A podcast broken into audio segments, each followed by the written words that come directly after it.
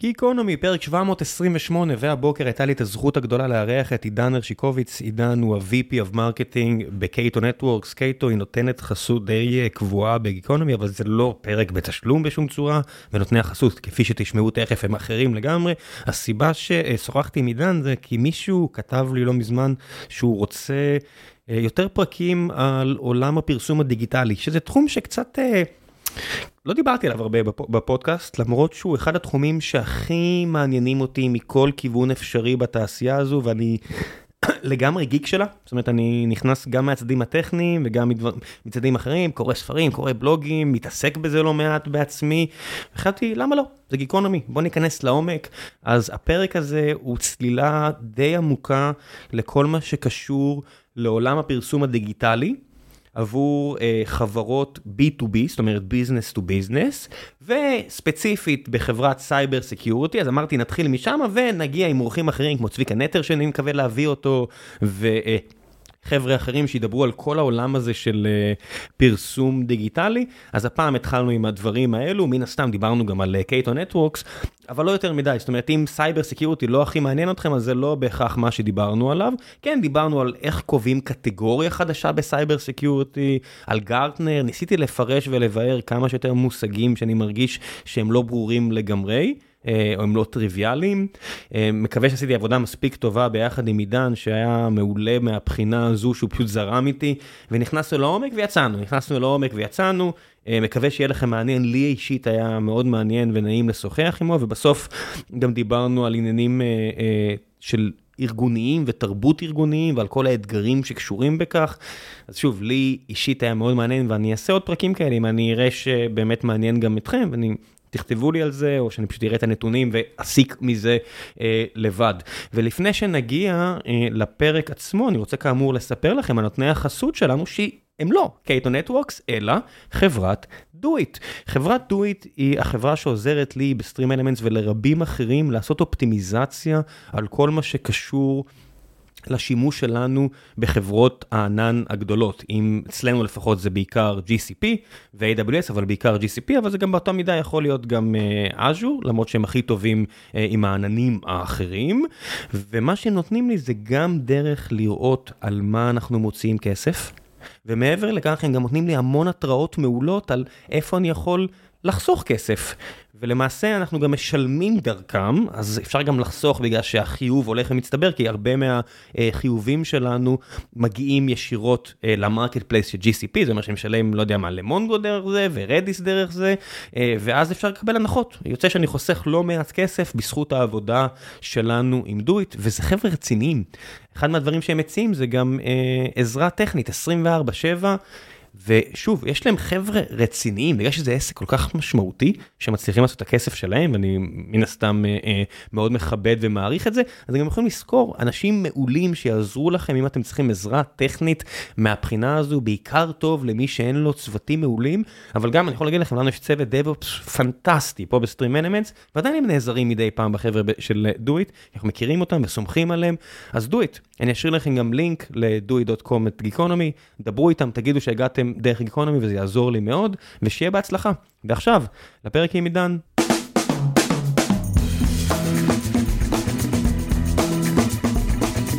גיקונומי, פרק 728, והבוקר יש לי את הזכות הגדולה לארח את עידן הרשקוביץ, VP marketing ב Cato Network, מה העניינים? בסדר גמור, שלום. עשיתי, קיבלתי בקשה לפני, אה, לא יודע מה, מספר שבועות, חודשים, למה אתה לא מדבר יותר על ads? אה, ואתה יודע, Geekonomy זה כזה, זה לא פודקאסט טכנולוגי במיוחד, נושא שלא יהיה יותר מדי יזמים, אבל אמרתי, בוא'נה, אני, אני ממש אוהב digital marketing, אמרתי, למה לא פשוט לזרום עם הבקשה, אמרתי, יאללה, Cato Network זה שונה מכל מה שחשבתי לדבר עליו בסדרה כזאת של פרקים שעוסקת בצד הטכנולוגי של digital marketing, שאני, שאני מת עליו אישית, אבל זה, זה, זה נורא מעניין וחשוב, כי בסופו של דבר זה עולם שלם שהוא, שהוא adjacent ל digital marketing. כן. אני חושב שגם אה, כל העניין הזה של B2B, ב advertising, ב marketing, הוא דבר שהוא אפילו עוד יותר נדחה קצת לפינה, אולי טיפה פחות סקסי, אבל יש שם דברים, יש שם עומק שאני לפחות גיליתי אותו כשנכנסתי ל-B2B. וזה business to business, שאתה משווק, שאתה מוכר מוצרים לחברה אחרת. נכון מאוד. אבל אתה עוד שלב שחשבתי עליו, ש... שרציתי דווקא להתחיל איתו, איתך ו... ואיתכם, זה שבסייבר, בניגוד ל-B2B אחר, בהרבה מקרים אתה חייב להמציא את הקטגוריה ולרדת למטה. זאת אומרת, משהו ש Cato עשתה ב-2019, כן. טובעים את המונח SASE, לעניות דעתי, תקן נכון אותי אם. אני טועה. ככה אנחנו תכף נדבר על מה, לחשוב, מה זה כן. אומר.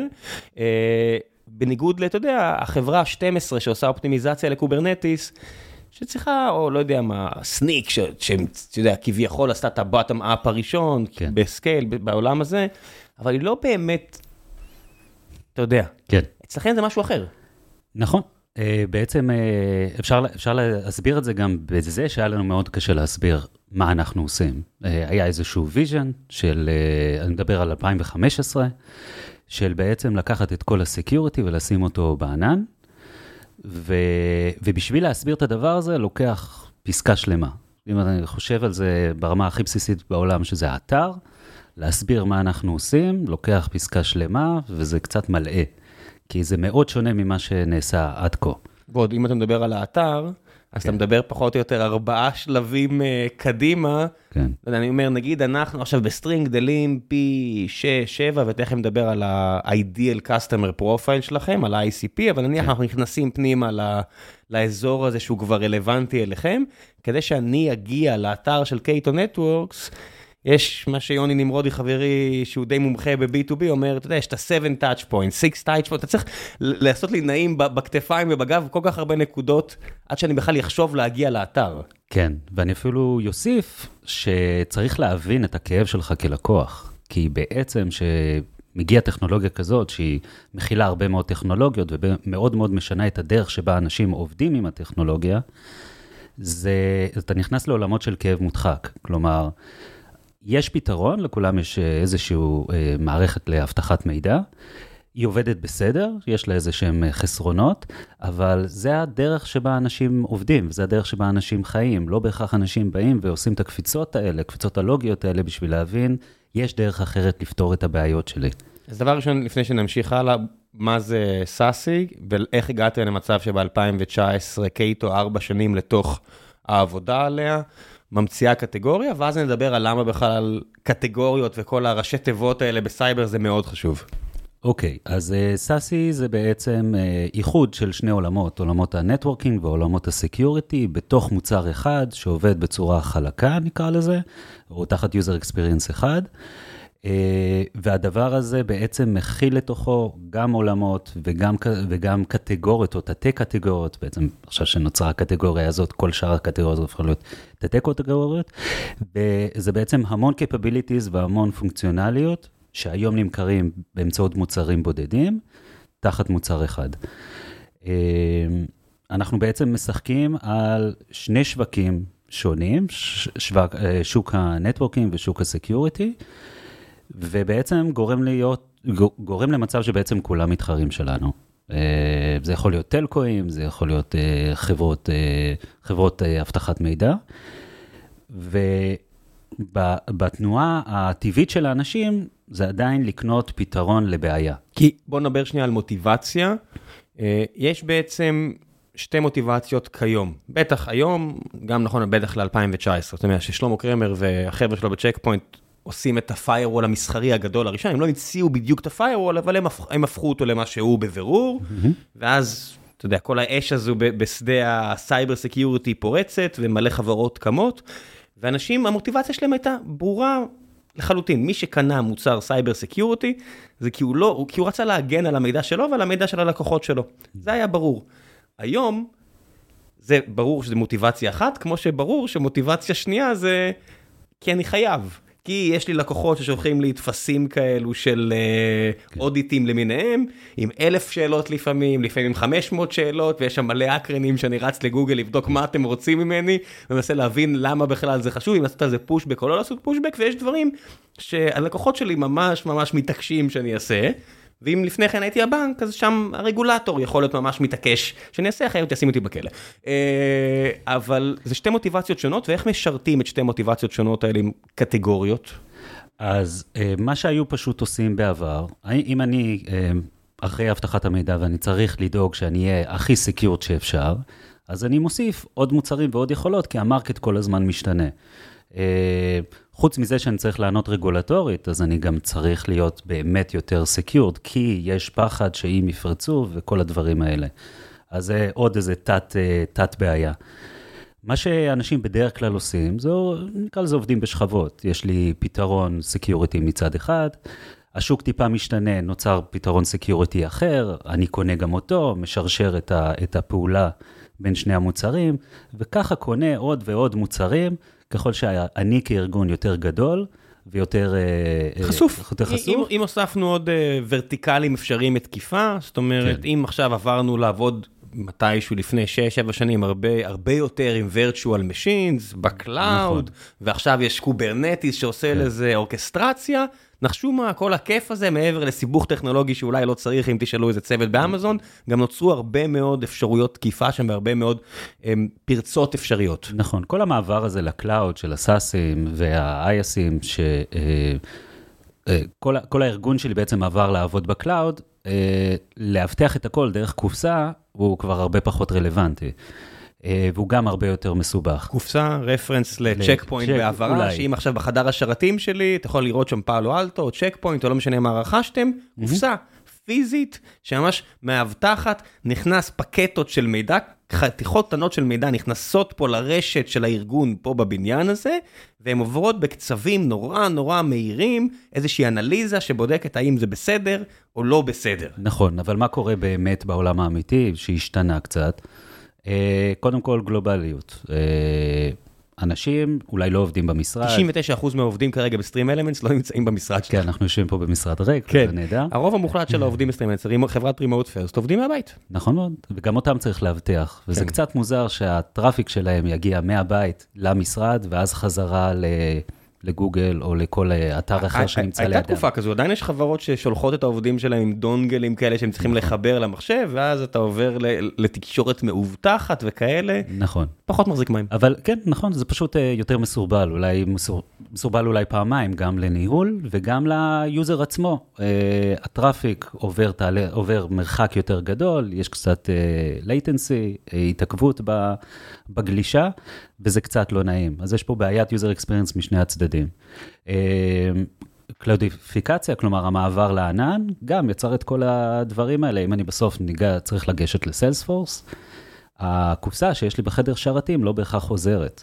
אה, או לא בהכרח מחברת אותי בצורה הטובה ביותר. הוספת עוד קפיצה, כי בסופו של דבר אין קסמים. התקשורת צריכה להגיע מהמחשב שלכם למכונות של סיילספורס שישבו באורגון, או, בנו, או בצפון קרול... צפון קרוליינה, או באירופה, נגיד, נכון. במקרה הזה, אולי, אולי, אולי, איפשהו בארץ. נכון. אבל זה צריך לעשות הרבה קפיצות, הרבה הופים. נכון. אם הוספת את הקפיצה הזו, שעברת דרך המשרד בשביל כן. אבטחה, לא בהכרח פתרת את הבעיה. כן, אני ממש אפשט את זה אולי למאזינים. אם אני יושב באורגון, כי, כי אני עובד באורגון, אה, לעבור לפיירוול שנמצא בתל אביב, ואז לחזור לשרת באורגון, זה קצת מיותר. הוספת, בוא נגיד, אה, שמתי אצבע ברוח, הוספת 120 מילי שניות עד יותר, זאת אומרת, זה אה, יותר, זה בערך 100 מילי שניות uh, במקרה הטוב לכל כיוון. נכון, לחוויית המשתמש, כן. ושלא לדבר על איש IT שצריך בעצם לוודא שהבן אדם הזה יכול לגשת, uh, מה מותר לו לגשת, uh, מתי וכל הדברים האלה, זו עוד שכבה של, חוץ מהחיבוריות כן. והגישה, גם איך אני מאבטח אותו ומה הוא יכול לעשות, ואני מוודא שזה באמת הוא הבן אדם. אז אה, קצת, קצת ערבבתי שני, אה, שני עולמות של אה, גישה ואבטחה, אבל זו גם בעיה מאוד מאוד גדולה. ואני חוזר ל-2019, גור ושלמה וכל החבר'ה והחבר'ה סביבם כבר עובדים ארבע שנים על קייטו, ומנסים לשכנע אנשים לקנות את מה שיש אז, זאת אומרת, אמצע הדרך, אז יש פחות מהיום, ומגיע הנקודה הזו שמה, מחליטים... אנחנו נשכנע את גרטנר שיש פה קטגוריה חדשה של מוצרים? כן. איך זה עובד הדבר הזה? אוקיי, אז קודם כל התחלנו את זה ממש מההתחלה. אה, אני בקייטו מ-2015, ממש מההתחלה, עוד מתקופת הסטלט מוד, וה-CMO שלי בזמנו אה, פשוט דיבר עם Gartner ממש מהיום הראשון. כשמה? ואומר מה? אה, סוג של אבנג'ליזם, שזה הדבר הבא. כלומר, הפיירוולים הגשמיים האלה לא יכולים לעבוד יותר בעולם הזה, ו-Gartner האזינה, ואני מדבר על באמת 4-5 שנים שבהם אנחנו צריכים לדבר ולהסביר את הדבר הזה. גרטנר היא זו שקובעת את הקטגוריות, מפרסמת את המצעדים, כן. uh, המצעדים של גלגלצ של החברות, ובסופו של דבר, uh, מה, מה אומרת גרטנר מאוד משפיעה על מה קונות ה-Fortune 100, 500, זאת אומרת, החברות הכי גדולות, שכל uh, מכירה אליהן יכולה to make or break סטארט-אפ בתחילת הדרך. נכון מאוד, uh, בעצם מנהלי IT uh, בארגונים גדולים מנויים לגרטנר ומשמשים כ- כיועצים לכל דבר שהם צריכים לעשות בעולם ה-IT. אם גרטנר אומרת, חבר'ה, יש קטגוריה חדשה, תתחילו להסתכל עליה, או בתוך הקטגוריות, אלה השחקנים המובילים וכולי וכולי, קהילת ה-IT מקשיבה, וקהילת ה-IT כן. עובדת עם הדבר הזה. זה התמריצים הקלאסית של בני אדם. אם פעם אף אחד לא פוטר בגלל שהוא קנה IBM, היום אף אחד לא יפוטר אם הוא יקנה את המוצרים שגרטנר ממליצה בכל קטגוריה שהיא הסכימה עליה, שבכלל נחשבת לקטגוריית מוצרים. בדיוק. ובשביל שתקום קטגוריה צריך לבוא, קודם כל, אה, נקרא לזה מסה קריטית של ונדורים. מאוד קשה להקים קטגוריה ש... שאתה לבד. אה, ומצד שני, הבעיה צריכה להיות מאוד מאוד קשה. אה, אז פסט פורד ל-2019, אני חושב שזה היה מאי, גרטנר אה, הכריזה באיזה מסמך אה, די צדדי, שיש קטגוריה כזאת שנקראת סאסי, אנחנו כמובן לא הגדרנו את השם סאסי, ו... אתם ידעתם שזה מגיע? לא, זה היה הפתעה.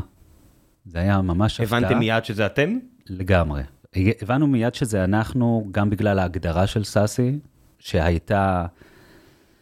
לעניות דעתי, מילה במילה מהדברים שאנחנו אומרים. ראשי התיבות של סאסי הן? Secure, Secure Access Service Edge. כן.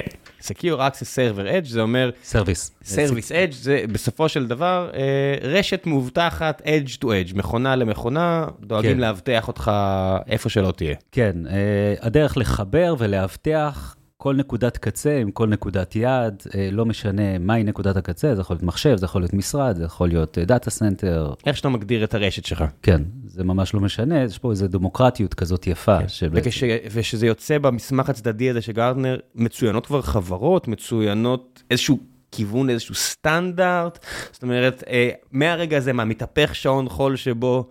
Cato Networks ומחלקת השיווק שלה צריכות לקנות כל אה, פיסת נדל"ן אפשרית שקשורה ל-SASE? אתם מתחילים לריב על מילים בגוגל? כאילו איך זה... מה, מה בעצם היו הפעולות שמחלקת ה-marketing עושה מרגע שהיא רואה את ההגדרה החדשה הזו ב-Gartner, כדי להבטיח שתעשו, תנצלו את זה כמיטב יכולתכם? אוקיי, okay, אה, uh, זה נקודה בעצם uh, מאוד מעניינת, כי כמו שקטגוריה קמה, והיא גם קמה בתוך מסמך אחר, בתוך hype cycle. Hype cycle זה מסמך של Gartner, שמפורסם אחת לכמה זמן, והוא מגדיר כל מיני קטגוריות על שלביהם השונים uh, בחיים. ו-SASE היה שם בנקודה מאוד מאוד ראשונית והתחלתית של קטגוריה מתחילה להיווצר. באותה מידה הקטגוריה גם יכולה למות, ואז היינו בעצם בשאלה מאוד גדולה עם עצמנו, מה אנחנו עושים עם הדבר הזה? איך אנחנו גם מנסים לתחזק ולתדלק באמצעים ש, שיש לנו בשיווק, אה, שהקטגוריה הזאת אה, תמשיך לתפוס איזשהו מומנטום, ואז אנחנו בעצם עושים סוג של אה, all in. אנחנו משנים את האתר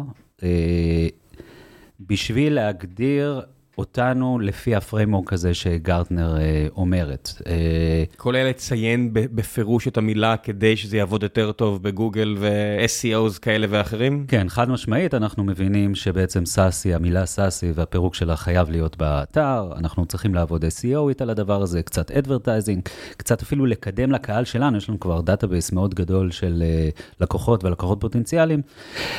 להתחיל אה, אה, להשתמש במטבע הלשון הזה אה, לקהל הזה, גם שהקהל הזה גם מאיתנו ישמע מה זה SASE, ושאנחנו aligned עם הדבר הזה, ואנחנו משתמשים ב-Gartner כדי להגיד, אנחנו מאוד aligned עם, עם ההגדרה הזאת, וההגדרה הזאת הולכת לתפוס. מבחינה מרקטיאלית, או לא יודע, יש לכם CRO ו-CMO, או שזה אותו בן אדם?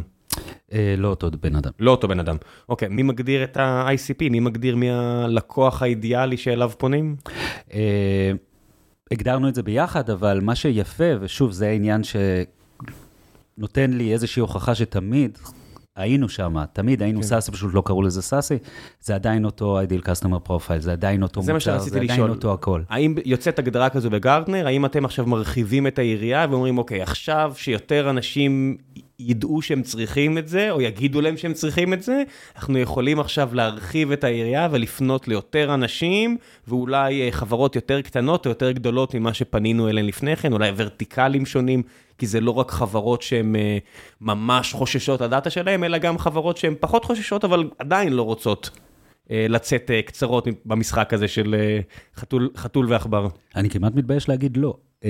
בעצם, מבחינת תרגות, זה אותם אנשים בדיוק שתרגטנו בהתחלה. זה כן משנה אבל את התוכן, את הדרך שבה אנחנו פונים לאנשים ומסבירים להם את מה אנחנו עושים ומה הכאבים החדשים. ואז בעצם נכנסנו לאיזשהו תהליך של כתיבת תוכן כמעט חדש לחלוטין. התרגות עדיין אותו תרגות, האנשים... שיריצו את העסקה מהצד של הלקוח, זה עדיין אותם אנשים עם אותם כאבים שדיברנו עליהם בעבר, אבל ה-frame, החוויית אה, משתמש שלהם עם התוכן, התחילה להיות שונה. המחירים קפצו באותו רגע? סתם, סלח לי השאלה, אבל אני מניח ששנייה לפני כן, המחיר ל-SASE בגוגל, ב-AdWords, הוא אפס, כי לא... כי לא יודע מה זה, אולי sassy זה מילה בבריטית שאני לא חושב עליה, כי יש sass, אני לא יודע, אה, כאילו חצוף, אבל לא כן. יודע, SASE מאוית אחרת, זה לא כמו sassy חצוף בריטי. נכון. אבל זה קפץ מאפס להרבה תוך שנייה, כי זה הרי... קפץ הרבה מאוד. אה, עכשיו, גם מה הסאסי עושים אם היה... אתה יודע שזה מגיע? מה אתה יכול לעשות? אז זה אוקשנים. אז דבר ראשון, להסתכל, אז אני טיפה אתחיל דווקא ב-SEO, דבר ראשון, אנחנו מסתכלים מה זה סאסי, וסאסי זה S-A-S-E, זה המון המון דברים, וזה פשוט, אה, נקרא לזה קיבורד מלוכלך. והיינו צריכים להבין, קודם כל, מי המתחרים שלנו בתוך הדבר הזה, ואיך לאט לאט מנקים, לא שאנחנו יכולים לנקות, גוגל ינקה בסופו של דבר, אבל איך אפילו גוגל acknowledge שה-keyword הזה הוא רלוונטי ואומר את מה שאנחנו חושבים שהוא אומר. נכון ל-2019 זה עדיין אומר מפציצים את האתר במילה SASE בכל צורה אפשרית, אבל עדיין הגיונית? ל- לא, keyword density כבר פחות 2019 זה כבר היה, כן, זאת אומרת כן. היום זה כמעט מטופש לעשות את זה, נכון. אבל אני לא זוכר 2019 במדויק. אה, זה לא עבד לנו, כאילו, ניסיתם? לא, לא שניסינו לא טיפה, ניסינו טיפה וראינו שזה לא עובד, היה לנו ניסיונות קודמים ב-SASE הרי זה פירוק של network ו-security, SD-WAN כן. זה בצד של ה-networking, זה ה-term שקשור לנטוורקינג שהוא מרכיב את uh, סאסי, וניסינו שם לעשות כל מיני ניסיונות כאלה, וראינו שזה לא עובד, אז למדנו מזה ואת הסאסי ניהלנו אחרת, והיינו פשוט צריכים ליצור תכנים חדשים. אה, שמסבירים מה זה סאסי, מה אנחנו בסאסי, למה סאסי ואת כל הדברים האלה. מבחינת מתחרים, זאת אומרת, אתה אומר, ה-ideal customer profile שלכם לא משתנה, אתם יודעים למי אתם מוכרים, אתם יודעים מי אתם רוצים למכור בשנים הבאות, האם עכשיו שאתם מזהים מי התחרות שלכם ואתם רוצים, כשאתם עושים איזה מסע כזה לעבר הרכישה, אתם רוצים הרי להסביר למה אתם יותר טובים, למה הם לא מספיק טובים, האם זה השתנה, החל מהרגע שהקטגוריה הוקמה? זה מאוד מאוד השתנה. Uh, הרבה מאוד uh, מתחרים שלנו בעולם הסקיוריטי uh, קפצו על העגלה, מה שנקרא, ופיתחו יכולות סאסי uh, מקבילות, או דומות, או מוגבלות, תלוי איך אתה רוצה להגיד את זה. Uh, זה דבר, לדעתי, מעולה, כי ככל שהקטגוריה מתמלאת בשחקנים, קל, uh, יש, יש uh, קיום לקטגוריה הזאת, ואנשים זה לא יותר ויותר בהכרח, זה מחפשים. מגדיל- זה מגדיל את הסיכוי, בוא נסכים שזה מגדיל את הסיכוי. מגדיל את הסיכוי. כן, אנחנו רואים עכשיו גל של קטגוריה אחרת, אני לא אציין את שמה, אבל אתה רואה פתאום IBM קונה חברה בעשרות מיליונים, שלפני כמה שנים הייתי מהמר שהיא תהיה מאות מיליונים, אז זו סנונית ראשונה לקראת קיפול כזה roll-up, מה נכון. שנקרא בהגעה העסקית, שכל החברות מתכנסות להרבה פחות שחקניות בשוק, כי העוגה לא גדולה כמו שכולם חשבו. נכון מאוד, והרבה מאוד, אה, ראינו חברות security שמתחילות לקנות חברות networking, או חברות, זה מאוד דומה למה שאתה אומר, בשביל ל- ל- לעשות את ה-superset הזה שנקרא SASE. כן, בסוף יש אה, מכפילים נורא גבוהים, צריך להגיד, מה שקרה החל מ-2019 גם, זה הטרפת של הדפסת הכסף, לא הדפסת הכסף, הגדלת היצע. הכסף. M1, M2 מתפוצצים בארצות הברית, הרבה יותר כסף יש בשוק, ואז אתה רואה חברות כמו Elastic, שי בנון היה פה, Mm-hmm. ו-Elastic מחליטה, גם חברת cyber security, לא רק חברת DB ו- ו-Grafana וכל הדברים המעולים שהם עשו, לא Grafana, אבל אה, ELK, והדברים המעולים שהם עשו, אנחנו גם חברת cyber security. נכון מאוד. כי רוצים ליהנות מהמכפילים המתוקים האלה של cyber security, ופתאום אתה צריך לריב דיגיטלית עם כן. הרבה מאוד חברות שהשם שלהם הוא מפואר. כי הם לא בדיוק. בכלל באו מהמשחק שלך. בדיוק. ואז מגיעים לעולמות באמת של אה, ניהול brand. כלומר, יש אה, חברות שיש להן brand מאוד מאוד חזק כחברה, וגם אם הם מייצרים מוצר שלצורך העניין. בשיפוטיות אולי הוא מוגבל, זה כמעט לא משנה, כי למראית עין זה מתוך אה, חברת האם, שיש לה מותג משלה, אה, ועל כן הן יכולות להיכנס קצת בקלות יותר לשווקים חדשים ולהגדיל את ה TAM שלהם. כן, ראינו את Cloudflare למשל עושה את זה ונכנסת מאוד עמוק. למוצרים כאלה ואחרים. זה מרגיש כרגע כאילו כל חודש הם נכון. באים אליי עם מוצר חדש אה, כן. שהולך ומתקרב לדברים האלה, כי בסופו של דבר בבורסה אתה יכול לקבל מכפיל על אה, רווח, כמו פעם, שיש כן. עדיין חברות שמשחקות את המשחק הזה. זה עדיין קורה. כן. פחות, אבל כן, עכשיו, פחות, עכשיו אבל טיפה. יותר, אבל כן. ויש חברות שנהנות ממכפילים על סמך האבטחה. זאת אומרת, אם אנחנו מסתכלים על סייבר סקיורטי, אז אתם רואים למשל את המשחק הארוך ש Palo Alto שיחקה. עם Palo Alto, חברת ה cyber security הגדולה בעולם שהיא רק cyber security, לא נגיד חטיבה במייקרוסופט, שווה עכשיו 50 מיליארד על רווח זעום, כי כולם ראו כמה כסף אפשר לעשות, כמו ש Check Point עושה. נכון מאוד. אז אפשר לדמיין את הדבר הזה, בלי לדמיין, לא פנטזיה, אבל אפשר להבין מה הולך לקרות כאן. אז נהנים ממכפילים נורא גבוהים, וזה מושך את כל הילדים למסיבה. לא, לא יעזור את הילדים והילדות. כן. ואיך מתגוננים דיגיטלית מהדבר הזה? זאת אומרת, מיד הרגשתם את המתקפה הדיגיטלית עליכם, זאת אומרת, פתאום אתה רואה כל מיני טבלאות, ש... כל מיני אסטים כאלה של אה, למה אנחנו יותר טובים מקייטו נטוורק. בדיוק, בדיוק. אז, אה, אז יש הרבה מאוד comparison והרבה מאוד אה, השוואות בין אה, מתחרים שונים, והם עושים את הצ'ופצ'יק ככה, והם עושים את הצ'ופצ'יק ככה, וכולי וכולי, אבל אנחנו גם מבינים שעדיין צריך לעודד את התנועה לתוך שוק הסאסי. כלומר, עדיין קניינים צריכים to consider סאסי כחלק מהתהליך שלהם, כי יש פה בעצם עבודה כפולה. אם מסתכלים על ה-bind journey, אנשים צריכים קודם כל להבין שיש להם בעיה, זה השלב הראשון? זה השלב הראשון, להבין שיש להם בעיה, הדרך שבה הם ניהלו עד היום, אה, מוצר על גבי מוצר על גבי מוצר בשרשורים, היא לא הדרך היעילה ביותר לעבוד. השלב השני, להבין שסאסי הוא איזשהו פתרון, ורק השלב השלישי הוא לבחור את הוונדור המתאים ביותר. אז אם, אז, אז, אז אנחנו בעצם צריכים לעבוד פעמיים. פעם אחת לשכנע שהמוצר שלנו הוא המוצר המעולה שמתאים לך, לא בהכרח לכולם, אבל לך כקניין. ודבר שני, שהוא קצת מוקדם יותר, אתה צריך לשקול את סאסי. וגרטנר באמת עושה עבודה נהדרת, אבל לא כולם מנויים לגרטנר. אה, אז אתה צריך to echo Gartner. כדרך, אה, נקרא לזה דרך קרדיטבילית כזאת. אה, אה, איך נראית מפה נגיד של שיווק דיגיטלי? בוא נת- נתרכז שנייה בדיגיטלי, לא כנסים וכאלה, ואתה עכשיו. מכין תקציב לשנה הקרובה, 2023 התחילה לפני חמישה חודשים, ואומר אוקיי, זה התוכנית שלי ל-2023, מגיש את זה לה- להנהלה, דרך ה-CMO, whatever הארגון, איך זה נראה? זאת אומרת, בלי להיכנס למספרים וחלקים יחסיים, אבל מה יש לנו בעוגה הזאת? יש לנו אה, SEO בטוח? יש לנו SEO, יש לנו Advertising, יש לנו... חכה, חכה, בוא נעשה אחד אה, אחד. SEO, אה, Search Engine Optimization, כל הטריקים והמשחקים שצריך לעשות כדי ש... מישהו אה, יחפש קייטו וימצא. תופיע למעלה. כן. מעבר לספונסרד, מעבר לפשוט לקנות את זה, שזה גם עלות שתכף נגיע, אתם רוצים שאורגנית בגוגל תהיו גבוה. זה נכון אחד. שתיים, אז advertising, כן. כלומר לפרסם ב- במקומות שבו אנחנו יודעים שה-ideal customer profile נמצא זה- בהם. זה גוג- זה בעיקר גוגל אצלכם? זה אצלנו דווקא יותר display או לינקדאין, דברים בסגנון הזה. אז בואו שנייה ניכנס, נעשה כזה double אוקיי. double display. מה זה display למי שלא יודע? אה, פשוט באנר ויזואלי. אה, ש- בורסות של של שיווק בעולם, שאתם עכשיו צריכים לברור אה, איפה להופיע? נכון מאוד. עכשיו, זה יכול להיות בדברים שכולם מכירים, אה, אה, לינקדאין, אה, שקל לטרגט שם את האנשים, אה, פשוט מכניסים את הרול, את הטייטל, את הגודל של החברה וכולי, ואז הם מתחילים לראות מודעות עובד? של הדבר הזה. זאת אומרת, אה, אה, זה עובד מעולה, זה עובד טוב? כן, כן, כן, בוודאי. כן.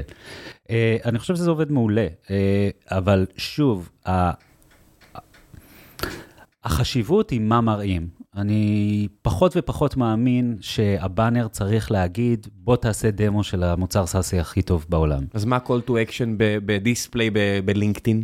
יותר תכנים, כלומר, אנחנו עובדים הרבה מאוד ב content marketing, זו פרקטיקה ש, שעובדת ועובדת טוב כבר שנים, והיא מדברת על uh, חיבור uh, כמעט רגשי ו-educational עם, ה, עם, ה, עם ה lead. תגדיר content marketing בעולם שלכם. content marketing, אה, מה שאמרתי מקודם, שיש אה, שלושה שלבים עיקריים לתהליך קנייה. להבין שיש לי בעיה, להבין מה הקטגוריה שיכולה לפתור אותה, ואז מה הוונדורים. אני צריך להבין עם הליד באיזה שלב הוא נמצא, ואז לתת את התוכן.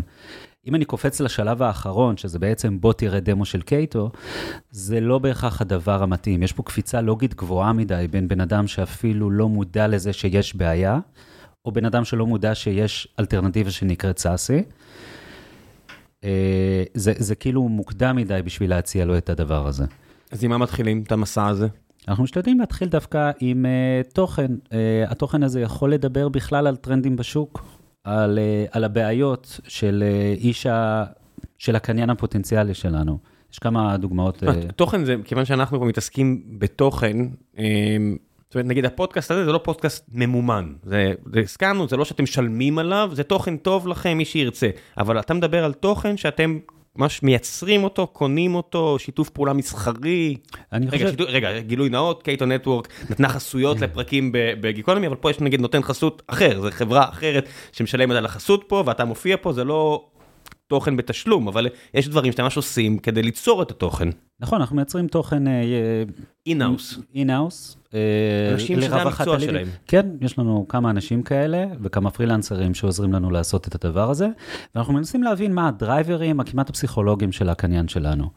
אה, יש לי דוגמה שאפשר לחפור בה והיא די מעניינת, אני חושב, שזה 100 אה, אה, הימים הראשונים של CIO. אוקיי? אני קצת מתרגם, אבל זה, זה בעצם מסמך שהוא... Chief Information Officer. כן. למי, זה לא מופיע בכל החברות, בבנקים נגיד זה התפקיד נכון. החשוב נכון. עבורכם. כן, אפשר להגיד שזה. התפקיד הגבוה ביותר של איש ה-IT, שיש לו איזושהי מוטת שליטה ואחריות על, ה, על ה-IT אצלו, זה יכול להיות בתוך זה גם security, גם networking, יש גם איש שאחראי רק על security, אבל אני אתמקד בדבר הזה. מאה היום הראשונים של CIO, ככה זה נקרא ה asset הזה, והוא מנסה לעזור לאנשים שהם חדשים בתפקיד, היי חבר'ה, לפני שנחזור לפרק הזה, אני רוצה לספר לכם שוב שנותני החסות שלנו זה חברת דויט. חברת דויט תעזור לכם לחסוך כסף בשימוש שלכם בכל אחד מהעננים בהם אתם משתמשים.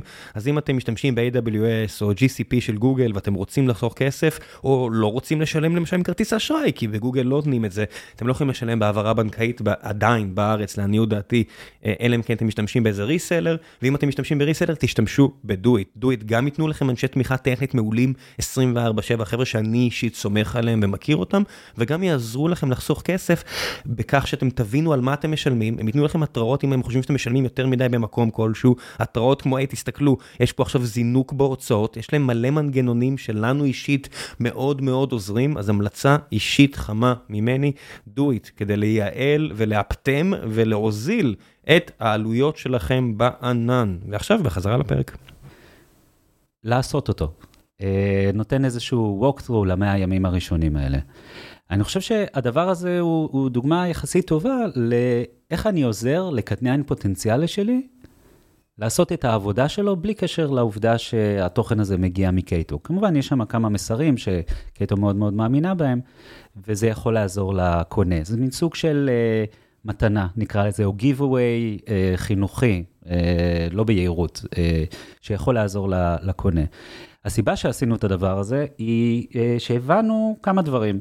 הבנו שאיש, אה, CIO שהוא ראשון בתפקיד, שהוא, שהוא חדש בתפקיד, יש לו יכולת יותר קלה להחליף את כל הטכנולוגיות שלו בארגון. כן, אפילו מצופה ממנו, זאת אומרת, מגיע C-Level חדש לארגון, בהרבה מהמקרים אה, אנשים ילכו הביתה וטכנולוגיות יתחלפו. זה פשוט טבעו של טבעה של החלפה כזו, זאת אומרת באיזה סיטואציה כבר יש החלפה כזו, בדרך כלל, נכון. כי מישהי או מישהו פוטר והביאו מישהו אחר, נדיר שזה מסיטואציות אחרות, זאת אומרת יכול להיות שמישהו התפטר, יכול להיות שמשכו אותו החוצה, יכול להיות שמשהו קרה נכון. נכון, אז... אבל אה, לרוב זה הסיטואציה. כן, אה, יש, יש את הסיטואציה השנייה שבן אדם מגיע בשביל to maintain את, את אותה מערכת שהייתה, אבל אז יש אה, סכנה אחרת שנקרא לזה אפילו personal branding. אני צריך, אם אני בא לתפקיד כזה, אני צריך לתת אימפקט, ואני צריך לעשות איזשהו שינוי. נדיר מאוד, אני אספר לך, כשהייתי בפפר, אמרנו להשיק, ומישהו מפורסם רצה להיכנס כיועץ והוא שמע ש... כן, אתה יודע, סלב גדול, והוא והוא שמע שאני מפריע לו. אז אז הוא התקשר דרך אה, שותפה, שותף שלו אמר, "ראם, למה אתה מפריע? אמרתי, חבר, אני מאוד אוהב אותך, ספרים נהדרים, הכל סבבה. אה, אם תיכנס, אף, עד- עדיין לא נולד הבן אדם שנכנס, קיבל צ'ק גדול ואמר, הכל בסדר, תשיקו. בדיוק. אני צריך עכשיו להשיק, אני לא צריך שיפריעו לי. תודה רבה, תבואו שוב עוד שנה. כזה. אין מה לעשות, זה, זה טבעם של בני אדם. הם נכנסים לתפקיד, הם צריכים להצדיק את התפקיד שלהם. נכון. אה, וגם קל להם לעשות את השינוי הזה, כי הם לא אלה שהטמיעו את הפתרונות הישנים. אין, הם, הם היועצים, מה קרה? נכון. אתה יודע, הם קראו בגרטנר, יש משהו חדש. בדיוק. אז, אז לכתוב מסמך כזה שמטרגט, גם יש דרך קלה לטרגט אנשים שעכשיו החליפו מקצוע והטייטל שלהם השתנה ל-CIO. אז יש פה יכולת אה, די טובה לטרגט האנשים ולתת להם תוכן שממש יעזור לעצמם. בתוך המסמך הזה יש אה, סוג של manual כזה, תדריך, אוקיי, צריך לדבר עם ה-C-Level ועוד כל מיני דברים שהם מאוד מאוד מעניינים ואנחנו חושבים שזה עוזר.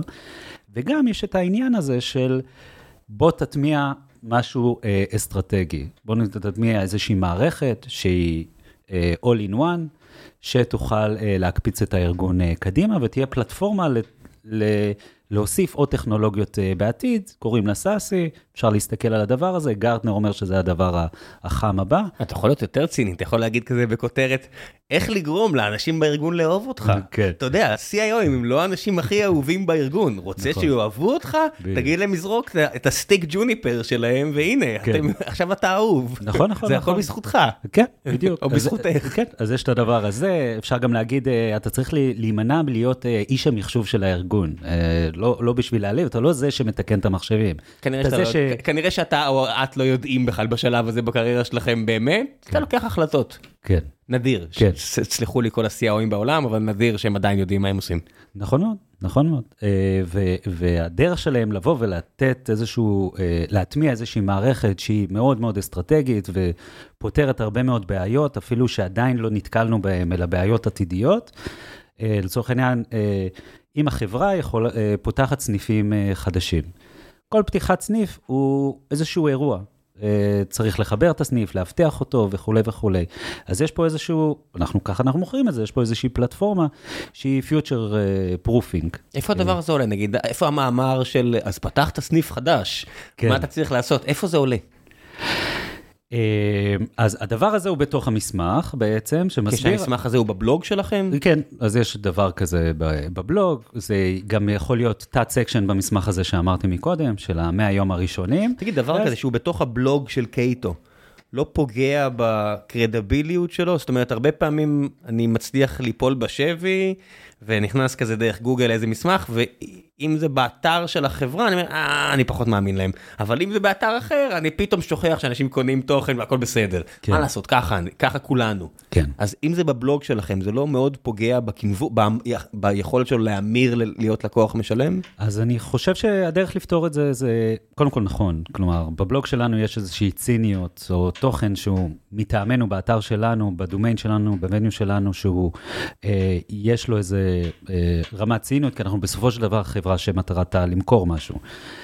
ולכן אנחנו גם לוקחים את הסיפורים האלה ומנסים לעשות עליהם אה, יחסי ציבור ולהכניס את זה לאתרים אה, אחרים. אה, אבל גם בדבר הזה אנחנו צריכים לספר את זה מחוויית לקוח, כלומר מה שנקרא case study.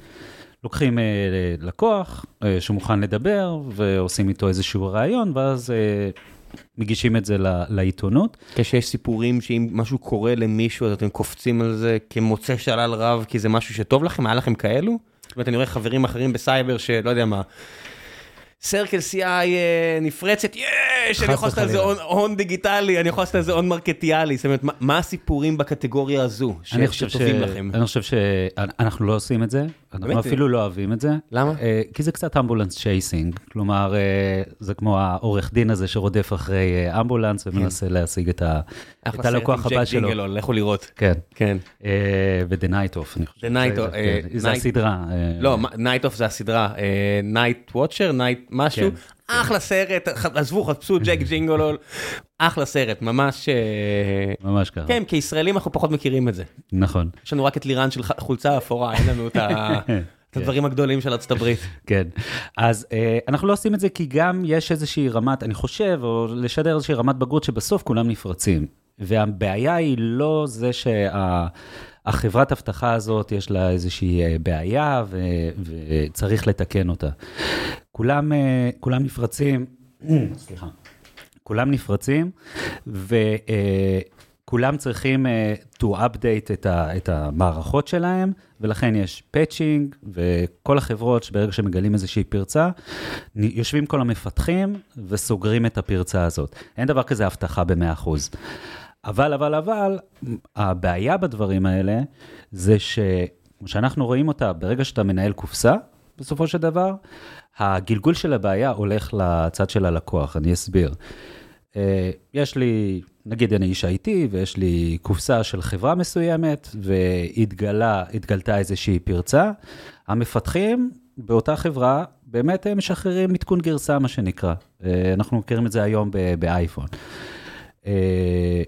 אה, יש עדכון, פרצ... אה, עדכון גרסה, ואז הבעיה בעצם מתגלגלת לאיש ה-IT. האיש ה-IT בעצם צריך לבוא ו-to deploy את, ה- את, ה- לדאוג את העדכון הזה. לדאוג שהמכונה הזו, או השרת, או לא משנה מה, הוא עם כל הגרסאות העדכניות ביותר. אי אפשר לעשות עדכון אוטומטי להרבה דברים, כי מה לעשות, זה פותח אותך לעולם חדש של צרות. וכן, הרוב המוחלט, מוחלט, מוחלט של בעיות אבטחה בעולם, זה פשוט אה, חתיכות תוכנה או אפילו חומרה עם קושחה כלשהי, לא מעודכנות, מבתי חולים במרכז ישראל שנפרצו, ועד לאתרי וורדפרס שיש כן. עליהם עכשיו פתאום דגל איראני, זה כמעט תמיד כי מישהו לא עשה וורדפרס 6.2, שצועקים לא עליכם היום. תעדכנו, כן. וה, והאדמיניסטרטור שלכם עושה, מחר, מחר ככה אני אעשה את זה. נכון. ובסאסי, או לפחות בקייטו, הדבר הזה לא קיים, הבעיה הזאת. כלומר, גם אם ימצאו ו... ויהיה משהו, אנחנו נתקן את זה. אה, יוצאים CVים כל הזמן, ואנחנו יכולים לתקן את זה אפילו ב-17 שעות, ובסוף ה-17 שעות זה deployed, ובעצם כל, ה... כל הלקוחות שלנו מאובטחים באותו רגע. כי הרשת היא וירטואלית. כי הרשת היא בענן, כן. כן. וירטואלית בענן. ו- וזה יתרון מאוד מאוד גדול, בעצם הרבה מאוד בעיות שגולגלו לצד הלקוח, אה, כמו עדכונים שדיברנו, או דברים אחרים, הדברים האלה נפתרים ברקע, בלי התערבות אדם, ובטח בלי התערבות. זה נשמע כמו user story ממש נחמד, לא לרקוד, לא לרקוד על אדם או לרק... לנסוע אחרי אמבולנס, אבל כן, אתה יודע. נכון. זה סיפור שכן משפיע ויסרלית רגשית על מי שמאזין ואומר, אוקיי, אני לא רוצה כזה. נכון, אבל הסיפור פה ארכיטקטוני ולא סיפור הפרצה. כן, הפרצה היא לא הסיפור פה. כי יכול להיות גם שתהיה פרצה גם אצלנו, טפו טפו טפו, אין, אבל, או, או פרצה בעולם, ואנחנו נוציא את הבעיה. אבל ארכיטקטונית, אצלנו הלקוחות מאובטחים כל הזמן, וברגע שאנחנו מגלים CVE חדש ואנחנו פותרים אותו, זה משוחרר ללקוח וזה מוטמע אצל הלקוח באפס התערבות. וכל החברות האחר, וכל המוצרים האחרים שמבוססי מכשירים, אין להם את הדבר הזה. אז זה בעיה שהיא לא קשורה למוצר כמו שזה קשורה לארכיטקטורה של המוצר. לינקדאין הפכה להיות ממש אה, מונופול בתחום הזה, זאת אומרת, אני מנסה לחשוב מי המתחרות, זאת אומרת, אני לא, לא עשיתי B2B mm-hmm. בצורה רצינית אולי אף פעם, אבל מה, מה מתחרים ללינקדאין, זאת אומרת מבחינת אה, נדלן דיגיטלי אינטרנטי כמקום שאתה יכול לפרסם בו בצורה נוחה, הרי האינטרנט לפני 15 שנה היה המון אתרים, האינטרנט היום זה מעט פלטפורמות שאתם מבקרים בהם ותו לא. אה, זה מה יש כמעט. כן. אה, מה, מה המתחרים של לינקדאין? זאת אומרת, אם הייתי מוכר, לא יודע מה, נעליים, אז יש לי גם את טיק טוק, גם את אינסטגרם, גם את פייסבוק עצמה, גם את uh, גוגל, זאת אומרת, יש לי אלטרנטיבות, כן. מה האלטרנטיבה ללינקדאין עבורכם? אז, אז בשביל לענות על זה, אני רק אפרק מה זה לינקדאין ברמה השיווקית uh, גרידה. אז מה, על מה אנחנו מדברים? זה בעצם אתר שאנשים באים אליו והם מזוהים דיגיטלית. כלומר, אני יודע מה הרול של הבן אדם, מה הטייטל שלו, מאיזה חברה הוא בא, ואני מניח שבן אדם שוהה ברשת הזאת או באתר הזה תקופה, ואז אני יכול לטרגט אותו ולהביא לו מסרים.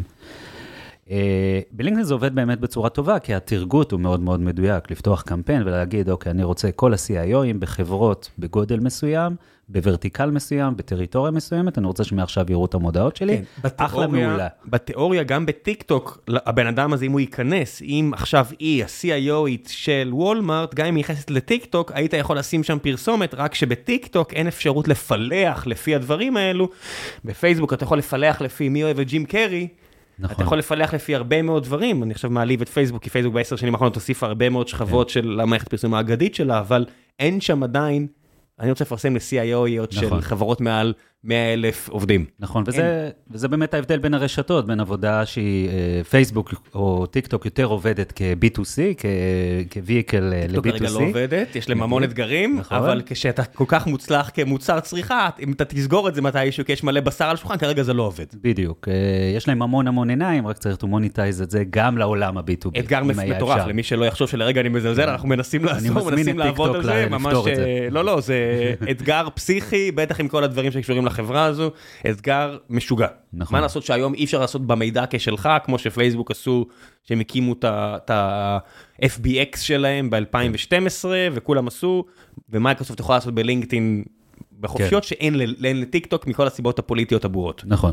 אה, בעיה שאולי יש בלינקדאין זה השאלה שאני שואל את עצמי, האם הקהל יעד שלי, שהוא איש IT, נמצא בלינקדאין הרבה? וזו שאלה שהתשובה עליה היא לא כל כך. כלומר, אה, אנחנו יודעים שאנשי מכירות נוטים מאוד להיות בלינקדאין, כי זה כלי עבודה שלהם לג... אה, ליצור קשר עם אה, לקוחות פוטנציאליים שלהם, אבל אנשי ה-IT לא בהכרח, כמו שמפתחים לא בהכרח אה, הולכים בלינקדאין. לא, לא, אבל מה זה, מי נמצא בלינקדאין? אני עדין, אני עדין. מי נמצא בלינקדאין? כן. מי יעליב את כן. מייקרוסופט, את הרשת שהם קנו ב-20 מיליארד דולר. נכון. אבל מה קורה שם? מה זה הדבר הזה? מי כן. כותב את הפוסטים האלה? בדיוק, בדיוק.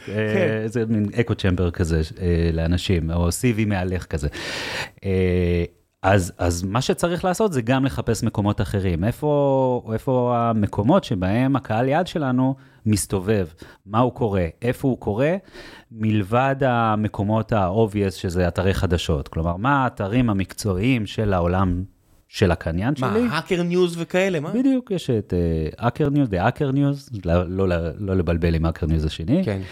אה, מה, The Information, כאילו מה... זה גם אה, אופציה, אה, יש SDX Central בעולם ה networking, יש Packet Pushers, יש Dark Reading, ויש ויש, ו-IDG, הרשת של IDG, CIO.com וכולי וכולי. וזה עובד טוב? כן, יש כמה דרכים לעבוד איתם, כלומר, לבוא ולפרסם שם על תכנים מסוימים, כלומר אם אנחנו יודעים שיוצא שם תוכן בעולם התוכן שלנו, אנחנו נרצה לעטוף את העמוד הזה בפרסומת שלנו, אנחנו עושים את זה. זה מדהים שיש כאילו מקומות אה, דיגיטליים שהם מכרה זהב, אבל הוא לא נגיש. אני מסתכל כזה נגיד על אה, בן תומפסון וסטרטצ'רי שלו, שכל האנשים שאתה רוצה כנראה נחשפים אליו, משלמים על התוכן הזה, אבל אין פרסום, אתה לא יכול להיכנס לזה. נכון. או, או לא יודע מה, All In פודקאסט של ארבעה קשקשנים בקליפורניה, היית מת שהם רק יזכירו אותך, אבל זה בלתי אפשרי. אה, זה יפה, זה בונה להם איזשהו קרדיט מאוד מאוד... זה בונה להם כן. קרדיביליות, חוץ כן. מזה שאתה מבין שאתה יודע, גם להם יש את האינטרסים שלהם. אתה יודע, זה עולם שלם שאתה אומר, אוקיי, אתה נלחם בעצם על ה-third tier, אפילו לא second tier של תוכן. נכון. וזה נורא קשה. נכון מאוד. אה, אז יש... עם זאת, יש כמה ונדורים מאוד מאוד מעניינים בשוק, שהם באמת כן למדו לעשות איזושהי מוניטה... מוניטיזציה. מוניטיזציה. כן. שכן למדו לעשות איזושהי מוניטיזציה על ה traffic שלהם. ואז בעצם הם אה, אתר תוכן מסוים שבא ומחלק את שני, אה, מחלק את החברה שלו בעצם לשניים. חלק אחד שדואג לייצר את התוכן האיכותי ביותר, והחלק השני שדואג למסחר אותו. אבל לא למסחר את התוכן, אלא למסחר את ה traffic. כן, ניו יורק טיימס נגיד נורא, אני תמיד משתמש בדוגמה שלהם, שזה שתי חברות שונות. נכון. יש את נכון. החברה של נכון. התוכן, של החדשות, שהיא מאוד מוערכת, מוערכת, מלבד שהם מעתיקים כתבות וזה קורה פעם ב... ואז כולם יודעים, והצד השני, אה, צד המסחרי שהוא גם מפואר, זו חברה שהיא מאוד מכניסה, אני חושב יותר מיליארד דולר. נכון. אמן על כולנו. נכון, אבל כן. אה, חשוב להם, להפרדה הזו. להפרדה. החומה הסינית הזאת היא מאוד מאוד חשובה לאמינות של האתר הזה. ו, וזה מאוד מכובד. אז אה, מאוד קשה להשפיע שם על התוכן, ההשפעה שם על התוכן זה בעבודת PR מקבילה, העבודה המסחרית כמעט ולא, עוזרת שם. מה לגבי שפות? זאת אומרת, אתה מניח שהתאגידים הגדולים באירופה, שמאוד מעניינים אותך, בעיקר באנגלית בכל האתרים שכולם נמצאים בהם, או שאתה תמצא את המכרה זהב הגרמני או הצרפתי, כי בכל זאת, מה לעשות שבפורצ'ן 500 העולמי יש חברות בגרמניה וצרפת? אז אני חושב שהעבודה הנכונה היא עבודה בשכבות. כלומר, מהקופורט, הצוות השיווק שנמצא בארץ מנסה לעבוד רוחבית בכל המקומות שדוברי אנגלית, לא מקומות, סליחה, אתרים שדוברי אנגלית, ואני מניח שרוב ה, הקהל שלנו גם קורא את האנגלית, בטח שאנחנו מטרגטים חברות גלובליות, אבל אנחנו מנסים לייצר שכבה נוספת של לוקליזציה. ויש לנו אנשים שמתעסקים רק בדבר הזה, ומנסים למצוא את אותם אתרים או מקומות שמדברים בשפה המקומית, וגם שם לנסות להביא את הטראפיק אה, מהמקום הזה, או לפרסם מסביב לאותם אתרים. יש הפתעות חיוביות, שפתאום, אתה יודע, איזה חברה של 100 אה, אלף עובדים, פתאום מישהו, אתם מזהים שמישהו מאצלהם בודק את, את, ה, את הבלוג שלכם, בודק את האתר שלכם, נרשם, אתה אומר, אוקיי, לא יודע איך זה קרה, אבל קדימה להצטער על זה? כן, יש לנו... אה, יש לנו מערכת אה, BI שמירב קרן אה, פיתחה, אחת אה, בצוות, מנהלת את כל ה demand gen אצלנו, ובעצם דרך הדבר הזה אפשר לראות את כל הקניינים, את כל ה stakeholder ים, כל האנשים הרלוונטיים בתוך ארגון מסוים, ואת הדרך שלהם שהם interacting עם, ה, עם התוכן שלנו. כן, למפות את האויב, למפות את הלקוח, למפות ו- את הלקוח. ולראות uh, מאיזה כיוון הוא בכלל רלוונטי, לעשות את העץ, אתה יכול את העץ לקחת מלינקדאין די בקלות. נכון. ואז אתה יכול לראות את התהליך קבלת החלטות, ו-what נכון. is your pre-human process. נכון, נכון, נכון. והדבר הזה הוא נורא נורא מעניין, כי אתה מבין uh, ש... אנשים מסוימים או אנשים שונים צורכים תוכן שונה. יש, בגלל שאנחנו, אני חוזר אחורה למה זה סאסי, Network ו-Security, לכן, אם זה שני עולמות שהם עד כה היו יחסית נפרדים, אומר בעצם שיש הרבה קניינים, הרבה אנשים שאחראים על תהליך הקנייה בארגון אחד, וכל אחד צריך סיפור טיפה לשונה. אחד, איש ה security יותר צריך להבין את היכולות security שלנו, ואת האני מאמין שלנו בצורת ה security, ואת הסיפור הקטן שסיפרתי מקודם, על איך אנחנו סוגרים פרצות או סוגרים CVEs אה, בצורה יעילה וקלה וטובה. יש סיפור אחר, סיפור ה networking, או סיפור ה-access, או סיפור ניהול ה-VPN, או הרבה מאוד סיפורים, יש לנו ברוך השם מוצר מאוד מאוד רב-מימדי, שפותר הרבה מאוד use cases, ולא כל ה-use cases רלוונטיים לכל האנשים. ולכן אנחנו מייצרים הרבה מאוד תוכן שיענה לכל פרסונה מסוימת ולכל uh, use case מסוים, ושאנחנו רואים שהרבה אנשים מאותה חברה קוראת כל אחד תוכן, אנחנו כמעט מדמיינים את השיחה אצלם בחדר ישיבות אחר כך, שהם דנים בהאם סאסי טוב לנו, לא טוב לנו, ואנחנו רוצים להאמין, אנחנו לא יודעים את זה באמת, אבל אנחנו רוצים להאמין, שאנחנו נתנו לכולם את הכלים לעשות את השיחה הזאת בצורה טובה אצלם בארגון. כן, תחת ההנחה שזה הכל אה, כשר ו- ונקי בתהליך קבלת ההחלטות, לא, אתה יודע, שה-CIO לא, לא השקיע אצל המתחרים שלכם ו- ומושך, מה לעשות, זה, זה העולם. זאת אומרת, אני לא יודע, לפני נכון. שלוש שנים אה, דיברתי עם יגאל אל- אלבז, אה, הוא... אחד הבכירים של AT&T העולמית, אה, אני חושב, ש... אני חושב שהוא עדיין שם, אה, ו... וזה מה שהוא עושה, הוא עושה את ה-edge, הוא עושה את ה-fifth generation. אני יכול מאוד להבין איך עכשיו, בזמן שאנחנו מדברים עוד כמה שעות, החבר'ה מתעוררים ב-AT&T וחוזרים לעבוד על המתחרה סאסי שלהם. ובסוף, אם אני AT&T, אני עושה את המכירות שלי בזה שאני מדבר עם ה-CIO של נכון. וולמארט, אני לא מחכה שהוא יקרא איזה blog post. נכון. אתה מתחרה פה, ב... זה לא fair fight. זה לא fair fight, אבל uh, אם אני עובד ב-Demand Generation, אני צריך לעבוד בצורה רציונלית, כמו שאני הייתי רוצה להאמין שהקנייה היא רציונלית. ובוחרים את המוצר הטוב ביותר לאותו ארגון ספציפי. איך עובדים ביחד עם ה sales? זאת אומרת, איך, איך המערכת יחסים עם ה sales? אז uh, המערכת היא טובה. אה, כן, ברור, כמו בכל החברות. ברור. כל, הח, כל החטיבות בכל חברה עובדים, עובד, עובדים נהדר ביחד. מעולה. אז אחרי כן. שהעברנו את הדבר הזה, אז בעצם יש לנו איזשהו תהליך שהוא כמו סרט נע. בעצם יש את marketing uh, שמנסה לייצר את, ה, את הלידים.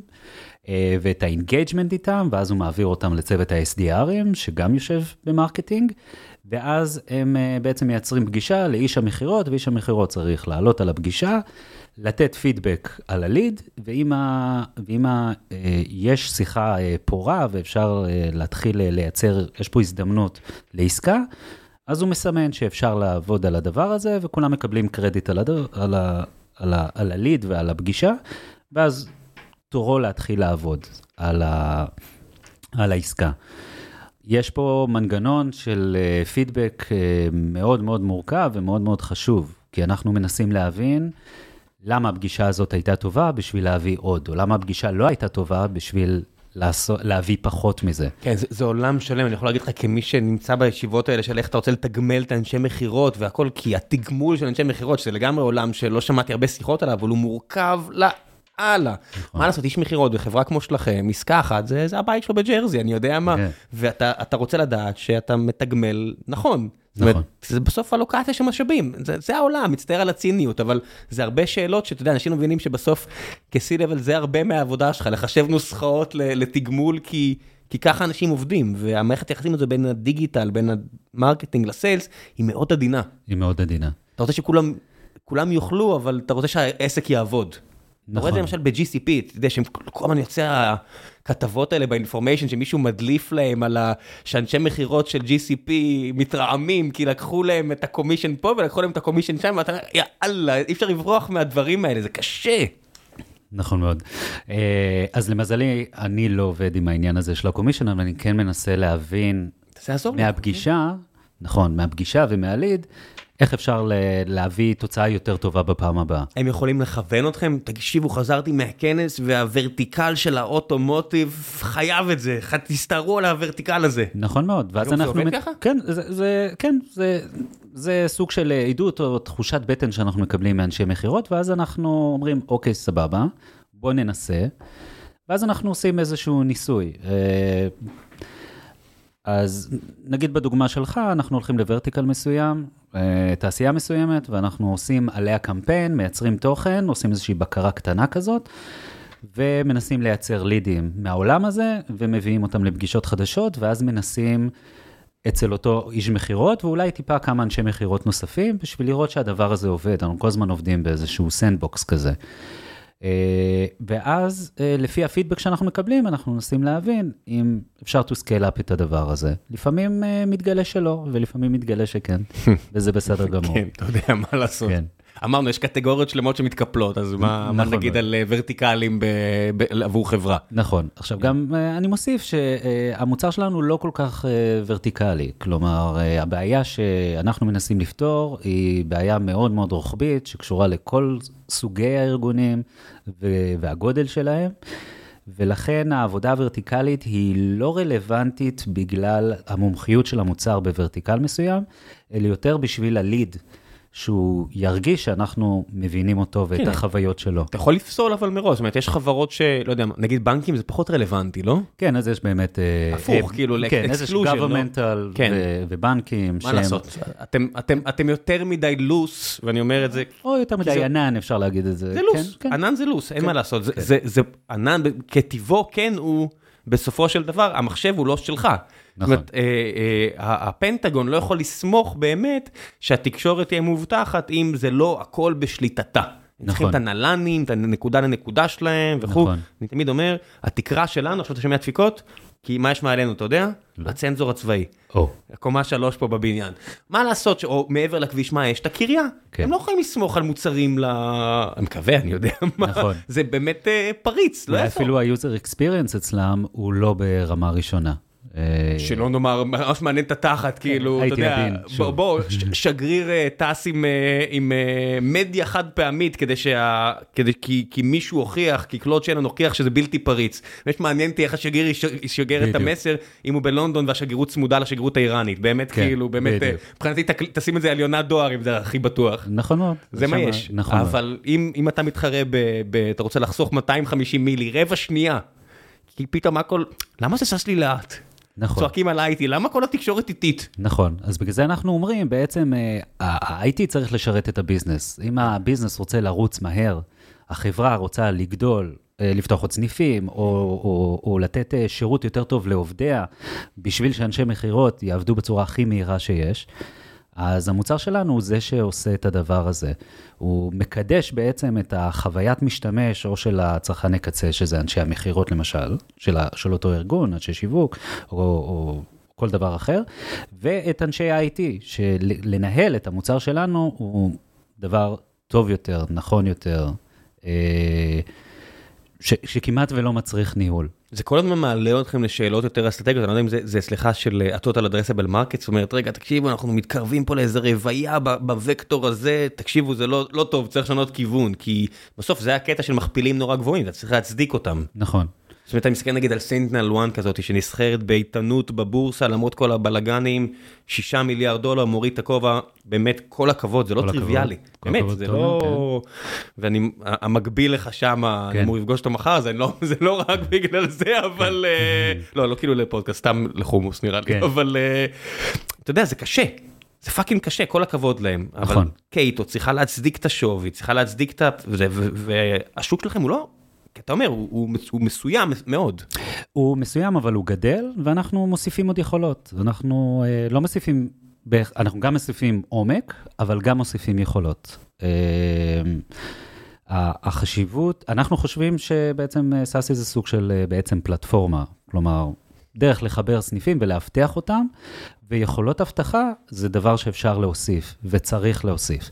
אנחנו רוצים לעשות את ה-all-in-one בדרך uh, קלה ואינטואיטיבית למשתמש, ולכן אנחנו צריכים להוסיף עוד, uh, נקרא לזה יכולות, זה יכול להיות גם קטגוריות אחרות. כל מה שקשור למחיר בא לידי ביטוי, זאת אומרת, בשנה האחרונה אני מוצא לעצמי עושה טרור למלא ונדורים שלי, כי מה לעשות, כל דולר נהיה הרבה יותר חשוב מפעם, אולי תמיד היה חשוב, אבל לפחות ההכרה בכך נפלה. כן. Uh, זה משפיע עליכם גם מבחינת מרקטיאלית, אתם, אתם משחררים יותר מסרים של... Uh, אולי ככה אתם יכולים לה, להפסיק לשלם למתחרה הזה והזה. אני חושב שתמיד עשינו את זה, אה, זה נקרא פשוט אה, אה, הקנייה יותר אפקטיבית, או המחיר יותר אפקטיבי. Uh, uh, הוא כמובן יותר compelling. Uh, יותר סייבר עבור כל דולר. כן, כן, זה ממש ככה.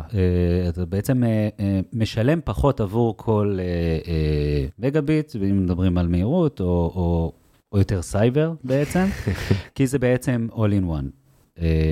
אז ברמת המחיר זה כמובן הרבה יותר אה, רלוונטי מאשר לקנות הרבה מאוד פתרונות קצה. יפה. טוב, יאללה, המלצות, שלב אחרון בפרק, כל מה שבא לך, אין לי רגולציה. ספר, סרט, פעילות, כן, אני יודע, אין מה לעשות, זה ככה, זה, זה, זה, זה נופל, אני תמיד מספר, אני תמיד אומר שאני צריך להגיד את זה יותר לאורחים, ותמיד אני שוכח.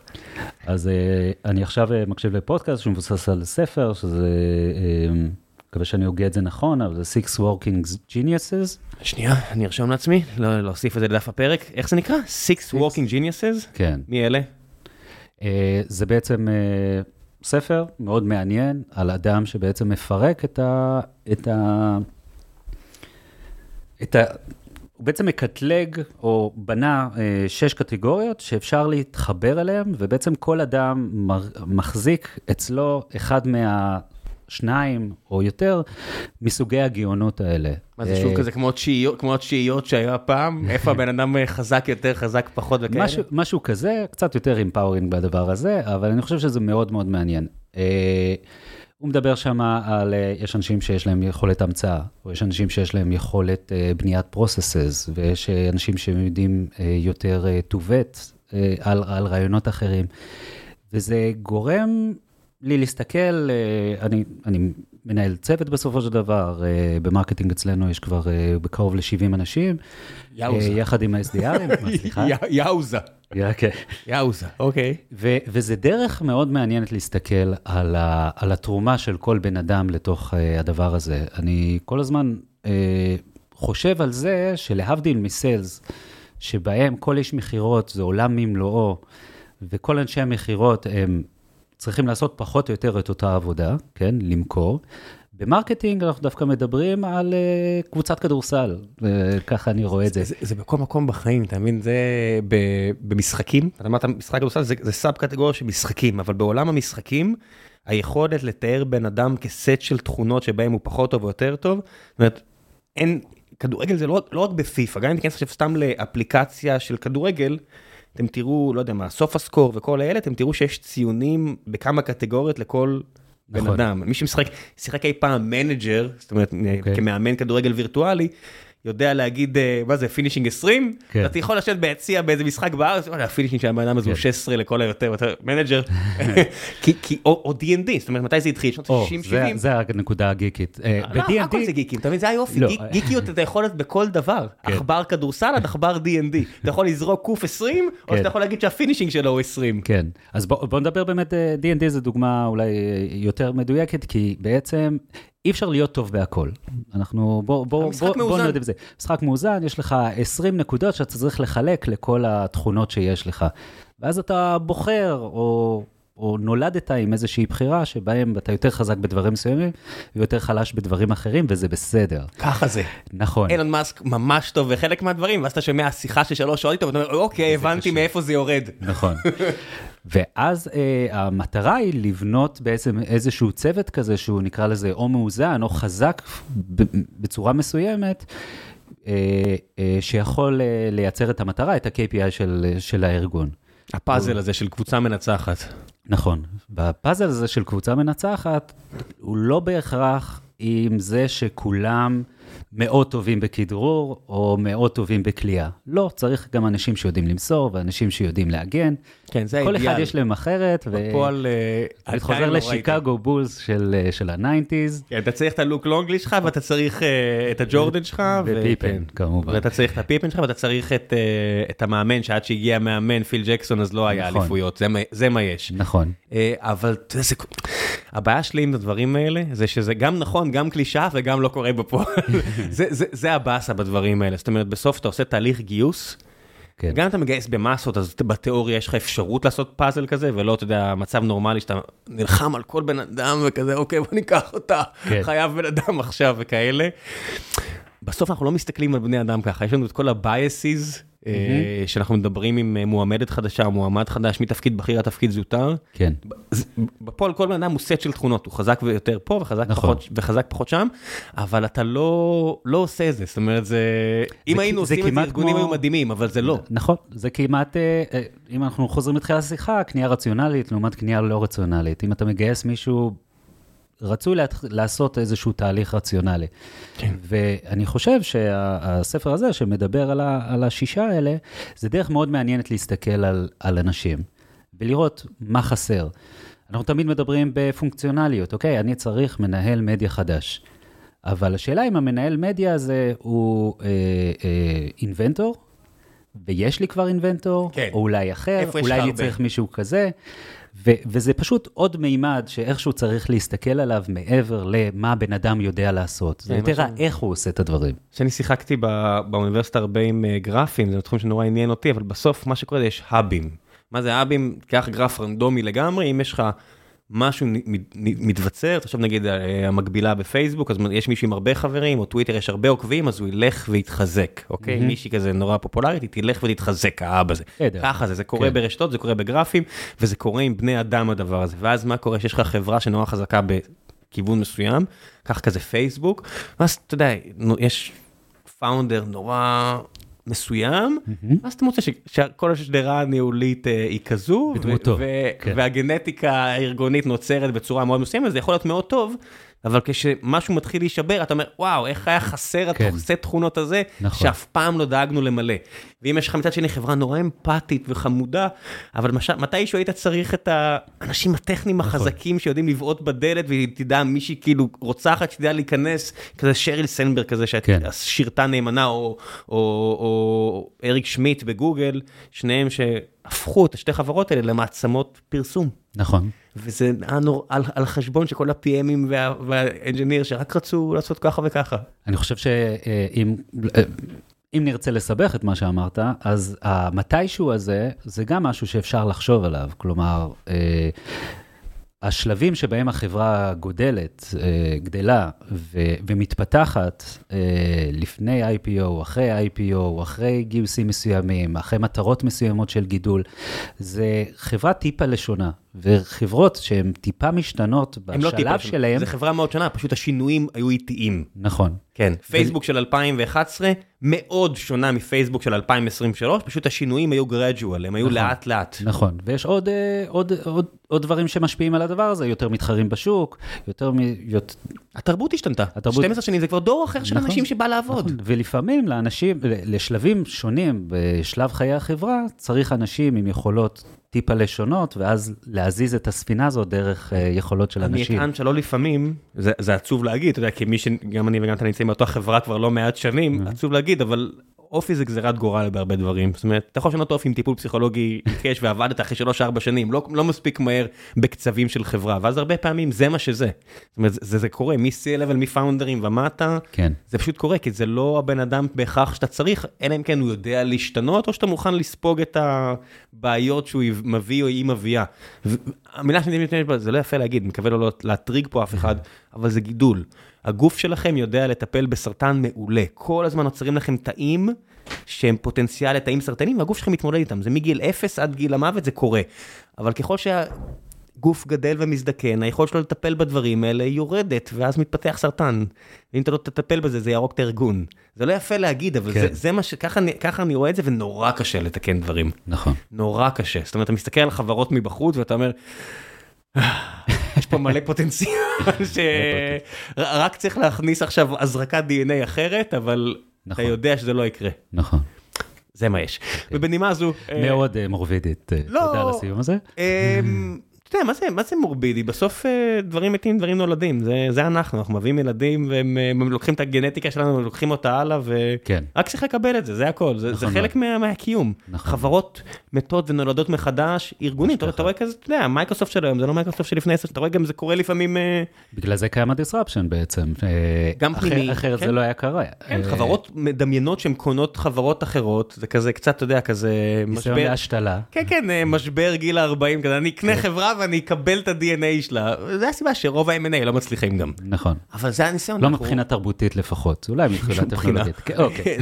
זה מה יש, אבל אתה חפץ חיים, אז אתה מנסה, אתה לא רוצה, וזה החיים, זה הכל טוב, רק צריך להכיר בזה, בגלל זה ספרים כאלה, אני מניח, לא קראתי, נורא חשוב לי להכניס לך את זה לראש, למנכ"לית, שתחשוב מה אין לה בארגון ומה היא יכולה לעשות, ומה היא צריכה לשנות.